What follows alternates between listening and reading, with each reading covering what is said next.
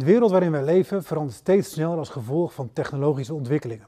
En we zien dat die ontwikkelingen zich sneller en sneller elkaar opvolgen. In de afgelopen tien jaar zijn wij terechtgekomen in de gemakseconomie. Nooit eerder zijn wij als consument zo verwend, uh, nooit eerder zijn we zo op onze wenken bediend in een manier waarop uh, producten en diensten op ons afkomen. We hebben de beschikking over allerlei functionaliteiten tegen hele lage kosten, soms zelfs gratis, die ons ongekend gemak opleveren. Deze hele gebruikerservaring, de customer experience, die heeft ons enorm veel gebracht in de afgelopen tien jaar. En bedrijven die daar als eerste op hebben ingespeeld zijn leiders geworden in hun markt. Denk aan bedrijven als Airbnb, uh, Spotify, Instagram, WhatsApp. Bedrijven die 10, 15 jaar geleden nog niet eens bestonden en nu leidend zijn in hun markt of hele markten hebben gecreëerd. En dat heeft een enorme impact gehad op ons leven. Bedrijven hebben een andere rol, zijn een andere rol gaan spelen. We zijn van bedrijven die producten leveren, zijn we naar bedrijven die ervaringen uh, aanbieden. De bedrijven die dat het allerbeste doen, zijn leidend geworden in hun markt. Denk aan Facebook en Google, die ons op ongekende wijze uh, toegang geven tot informatie of met elkaar laten communiceren. Um, en we zijn bereid om meer en meer informatie te geven om het, hun het werk nog beter te laten doen. Denk aan bedrijven als Uber en Picnic, die ons voortdurend feedback geven waar onze dienst zich bevindt. Ik kan op de seconde nauwkeurig mijn voordeur openzwaaien en dan wordt mijn product geleverd. Um, Spotify, Netflix, die hebben de hele manier waarop we entertainment communiceren in hele korte tijd radicaal veranderd. Nou, wat hebben deze bedrijven nou gemeen? Wat is hun gemene deler? Nou, het zijn bedrijven, zij begrijpen dat, uh, gemak, dat je met gemak de consument voor je wint. En dit heeft onze verwachtingen als consument voor altijd veranderd. Alle andere bedrijven zullen mee moeten gaan met deze bedrijven om relevant te blijven. En dat verandert niet alleen onze verwachtingen als consument, maar het, ook onze, verandert ook onze verwachtingen als mens. wij zijn ook bijvoorbeeld in de zin van uh, uh, andere eisen gaan stellen aan zorgverleners of aan de overheid. Uh, we vinden ook dat daar niet mee moeten gaan in dat gemak. En dat verandert dus ook onze verwachtingen als kandidaat. Um, als kandidaat zijn wij niet anders als die consument. En dit heeft een enorme impact op recruitment. En ik ben ervan overtuigd dat als je gemak centraal stelt, dan win je op jouw arbeidsmarkt. Ik heb hier heel, heel veel bewijs van gezien. Ik durf het zelfs stelliger te zeggen. Als je gemak niet centraal stelt, verlies je straks op jouw arbeidsmarkt. Dat is nog niet vandaag misschien, of morgen. Maar als jij je toekomstige investeringen niet inricht op gemak, dan ga je het verliezen. Als bij de concurrent de rode loper klaar ligt, waar bij jou allerlei barricades en obstakels voor de deur staan, dan gaat het bij jou niet gebeuren. Nou, wat is nou het gemak? Dat gemak dat is ontworpen gedrag. Dat is uh, gedrag dat zodanig is gedesigned dat het jou dingen laat doen die de aanbieder graag wil. Die ervoor zorgen dat jij meer van een bepaald product afneemt, of meer van een service afneemt, of langer in een bepaalde omgeving blijft. Denk aan Facebook en Instagram. Um, zij ontwerpen gedrag om dat te laten doen wat zij graag willen. Als Albert Heijn wil dat zij meer versproducten uh, verkopen, dan maken zij dus, dan op het moment dat jij binnenkomt bij Albert Heijn, zie je dus de gemaksproducten al gelijk staan. Dus je hoeft niet na te denken over wat ga ik eten, want je kunt heel makkelijk een keuze maken. Het doel voor Albert Heijn is meer hoge marge versproducten uh, te leveren, te verkopen. Hè, ontworpen gedrag. Nou, als we het hebben over gedragsontwerp, dan zijn daarbij twee uitgangspunten cruciaal. Ten eerste, we doen heel weinig zomaar uit onszelf als mens. We zijn redelijk passief. En als iets te moeilijk wordt, dan haken we af. Dus het enkele gegeven dat we iets willen, betekent niet dat we het ook doen. Het enkele gegeven dat iemand jouw bedrijf mooi vindt of jouw vacature is interessant, betekent niet dat ze ook daadwerkelijk gaan solliciteren. Sterker nog, in de meeste gevallen zullen ze dat niet doen. Nou, als we het over gedragsontwerp hebben, dan hebben we het automatisch over BJ Fogg. BJ Fogg is een professor aan Stanford University en hij heeft een, uh, een model ontwikkeld waarmee je gedrag kunt ontwerpen. Uh, 10, 15 jaar geleden zaten bij hem in de, in de schoolbanken uh, leidende figuren in de bedrijven die ik zojuist noem, waaronder de oprichters van Instagram. Nou, dat Folk Behavior Model is zo op, daarop opgesteld dat je daar het op een hele makkelijke manier gedrag kunt ontwerpen. Het is ongeëvenaard in toepasbaarheid. Um, en als je hier op, naar, het, naar het model kijkt, dan zie je op de verticale as zie je motivatie staan, van laag naar hoog.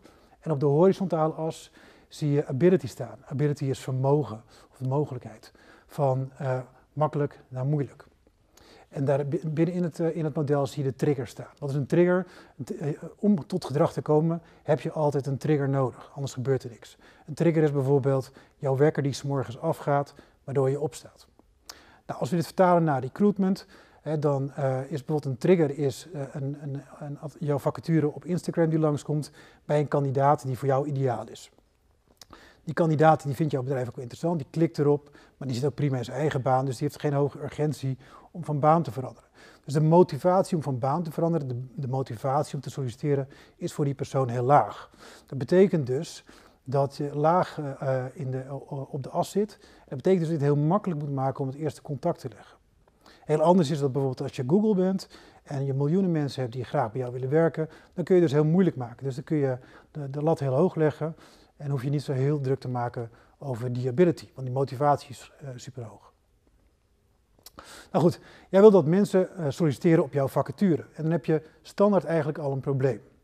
Mensen hebben namelijk een loeihekel aan solliciteren. 75%, 73% van de mensen die uh, vindt solliciteren een van de meest stressvolle gebeurtenissen in hun leven. En dus je moet heel wat doen om mensen in beweging te krijgen. Dus als je ze wil, wil laten solliciteren, dan moet je dus zo makkelijk mogelijk maken. Dat betekent dus dat je je vacatures niet alleen maar, dat je niet kunt volstaan met je vacatures alleen maar vacatures, tussen, op vacaturesites te zetten, tussen, tussen duizenden anderen.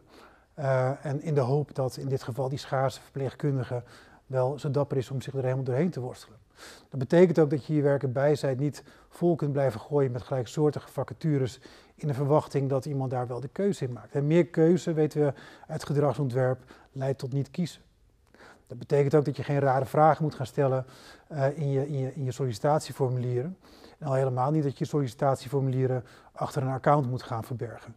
In e-commerce ben je in zo'n situatie al dood. Uh, nu kan Philips misschien dit op dit moment nog wel maken, maar ik ben heel benieuwd of dat uh, lang houdbaar is. Ik denk het eigenlijk niet. Uh, de kandidaat die komt namelijk in beweging als je hem raakt, verleidt en faciliteert. En ik ga het vandaag vooral hebben over verleiden. Mijn naam is Erik van Bourgogne, ik ben directeur van Jobs Republic en ik hou me al 20 jaar bezig met online recruitment. En ik word daarbij vooral gedreven door innovatie. Innovatie over hoe kunnen we ervoor zorgen dat meer mensen in een baan terechtkomen die beter bij hun past. Ik doe het samen met dit team, uh, Jobs Republic. En uh, wij hebben ons als doel gesteld om in 2030 1 miljoen mensen in een betere baan te laten belanden. Nou, dat doen we natuurlijk niet alleen, dat doen we samen met onze partners waarmee wij uh, samen de arbeidsmarkt benaderen en zorgen dat meer mensen in de juiste baan terechtkomen. Um, mooie bedrijven en met twee van deze bedrijven hebben we in de afgelopen drie jaar de Werf N Award gewonnen. Eén keer met Isaac Schiphol voor het werven van inmiddels 2500 beveiligers voor de luchthaven. En één keer hebben we voor het toepassen van onze methode voor, uh, met Sendris. we hebben dit jaar de Werf N Award gewonnen voor het werven van 100 callcenter medewerkers voor T-Mobile in Valencia. Nou, mooie resultaten, mooie successen voor ons en voor onze klanten. Um, maar die, dat succes is niet zomaar gekomen. Daar is vooral heel veel mislukking aan vooraf gegaan. En ook heel veel verkeerde aannamen. De, de, belangrijkste fout die ik in de eerste 15 jaar van mijn carrière in, uh, in de online recruitment heb gemaakt, is door te denken dat mensen weten uh, wat ze zoeken. Dat mensen, mensen bewust zijn over wat, waar ze naar op zoek zijn. Dat blijkt helemaal niet zo het geval, uh, is, uit onderzoek gebleken. Um, we hebben ook gemerkt dat de meeste mensen eigenlijk bij toeval in een andere baan belanden. Dat is natuurlijk heel interessant, hè, want het is een extreem belangrijke keuze waar je, waar de komende jaren gaat werken. En toch uh, komen mensen meestal bij toeval eigenlijk in die andere baan terecht. Ik vond het heel vreemd, ik ben het gaan onderzoeken en ik heb het antwoord daarvoor gevonden in de gedragseconomie. De gedragseconomie is de uh, wetenschap die economie en psychologie met elkaar verbindt. En uh, de grote man van de gedragseconomie is Daniel Kahneman. En Kahneman die heeft voor ons uitgevonden dat wij werken bij het ma maken van belangrijke keuzes, werken met, met, twee systemen in ons brein. Systeem, systeem 1 en systeem 2. En hij heeft ons uitgevonden dat we ook hoe belangrijk de keuze ook is, heel irrationeel opereren.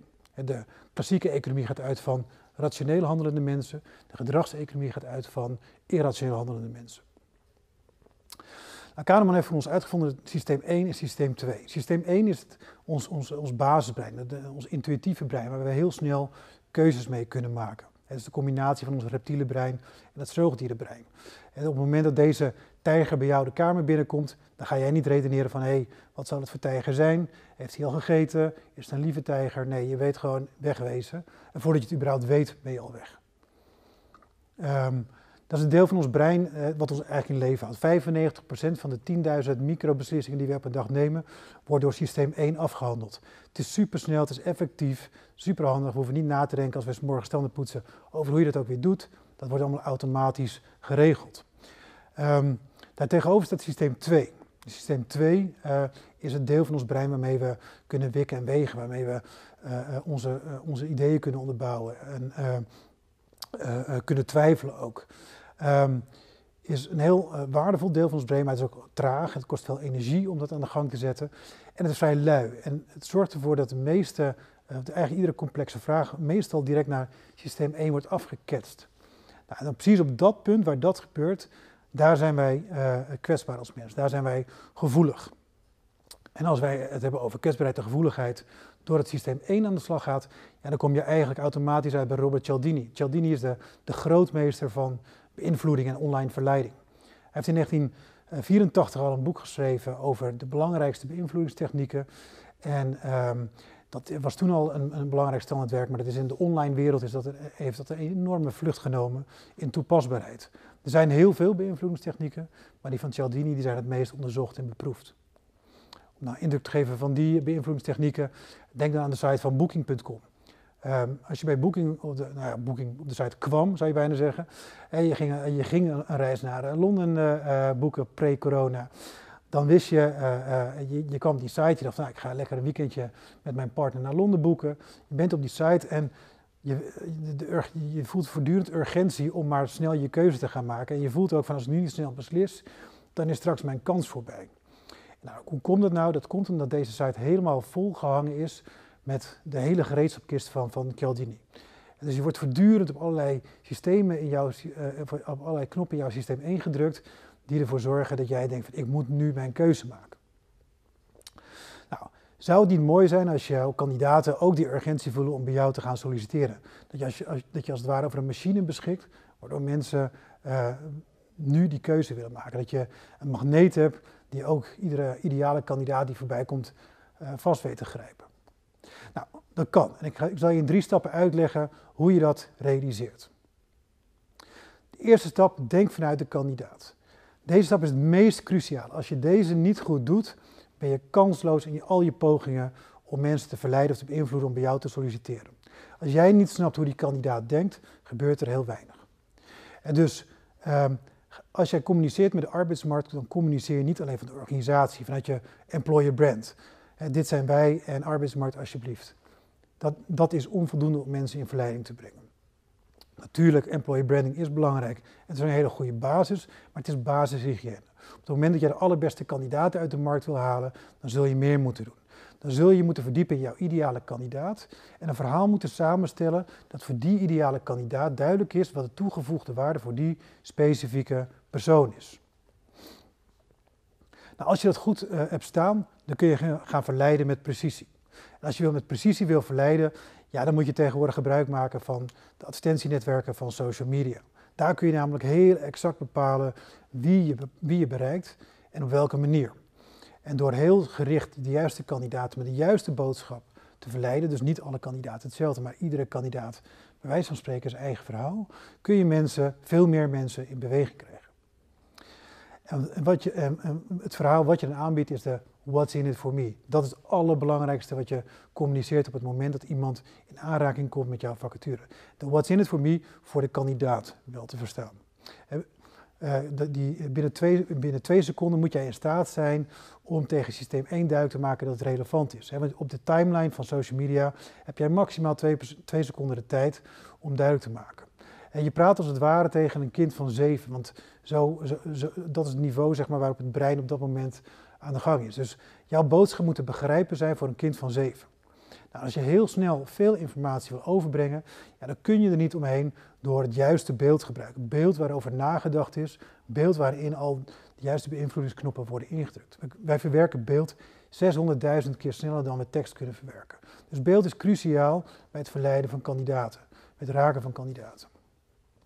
Dus laat, dit is hoe wij, hoe wij het toepassen. En we laten mensen die op de doelgroep lijken met een smile op die, op die timeline langskomen. iemand die op jou lijkt en die lacht, die is bijna zo onweerstaanbaar. Die, die, is bijna zo onweerstaanbaar als een kattenfilmpje. Hè. Dat, dat, dat, vindt ons brein heel erg fijn. Dus de kans dat iemand daarop klikt is heel groot. Hè. Dus kijk, onderzoek goed wie je doelgroep is. En zorg dat de juiste mensen die op die mensen lijken, die tot de sociale kring van die mensen zouden kunnen behoren, lachend langskomen. Nou, vervolgens laat je, die, uh, via, uh, laat je op die timeline de advertentie zien en klik, laat je mensen doorklikken naar een vacature. Ook in die vacature zorg dat je zoveel mogelijk met beeld, beeld werkt. Beeld zorgt namelijk dat er, er verbinding ontstaat. Je kunt er veel meer mee vertellen dan tekst, wat we veel trager vertalen. Op het moment dat je met beeld de mensen weet te grijpen, kun je met tekst vervolgens gaan de, boel, de, de, de, je, je, doel gaan laden. En ervoor zorgen dat mensen bewerkt kunnen worden met de rest van de beïnvloedingstechnieken. Dus op het moment dat je callcenters, callcenter uh, uh, kandidaten zoekt voor Valencia, ja, dan ga je dus kijken wat is nou voor die doelgroep de meest toegevoegde waarde van dat werk in Valencia. En dat is in dit geval, is dat natuurlijk zon, en het mooie Spaanse leven. Dat voeg je vervolgens samen met allerlei motieven, die verwerk je in je tekst en zo ontstaat een verleidend verhaal. De derde stap die je moet doen is focus op je doel. Weet heel goed wat je wil bereiken. Je wil die kandidaten binnenhalen en zorg daar dan ook voor dat je het makkelijk maakt. We hebben net geleerd dat niet iedere kandidaat even gemotiveerd is, ook al is het jouw ideale kandidaat. En dus zorg dat de eerste stappen in solliciteren laagdrempelig zijn. Of beter, laat mensen op een hele makkelijke manier interesse tonen. En daarmee zie je dat je veel meer kandidaten in beweging krijgt, die je vervolgens in volgende stappen kunt gaan bewerken. En dat is hier een voorbeeld van ETZ ziekenhuis. Daar hebben we uh, ontdekt van nou, uh, mensen solliciteren niet in deze doelgroep. Dus ze worden door iedereen benaderd. Maar ze zijn wel benieuwd hoe het nou is om eens een keer een dagje mee te lopen bij de buren. Dus daar zijn we in deze campagne op gaan focussen. En dat zorgt er dus voor dat je veel meer kandidaten uh, over de streep weet te trekken. En zo mensen konden zich ook heel makkelijk aanmelden met, met een vinkje van ik heb een dat diploma, naam, telefoonnummer, e-mailadres. En je bent uh, all set to go. Je, kunt gewoon, je wordt direct ook benaderd om een dagje mee te lopen. En zelfs als je mensen daar nog niet op aanhaken, zorg er nou voor dat je meer conversiepunten bij je vacature inbouwt. Bijvoorbeeld, hou mij op de hoogte van deze carrière mogelijkheid.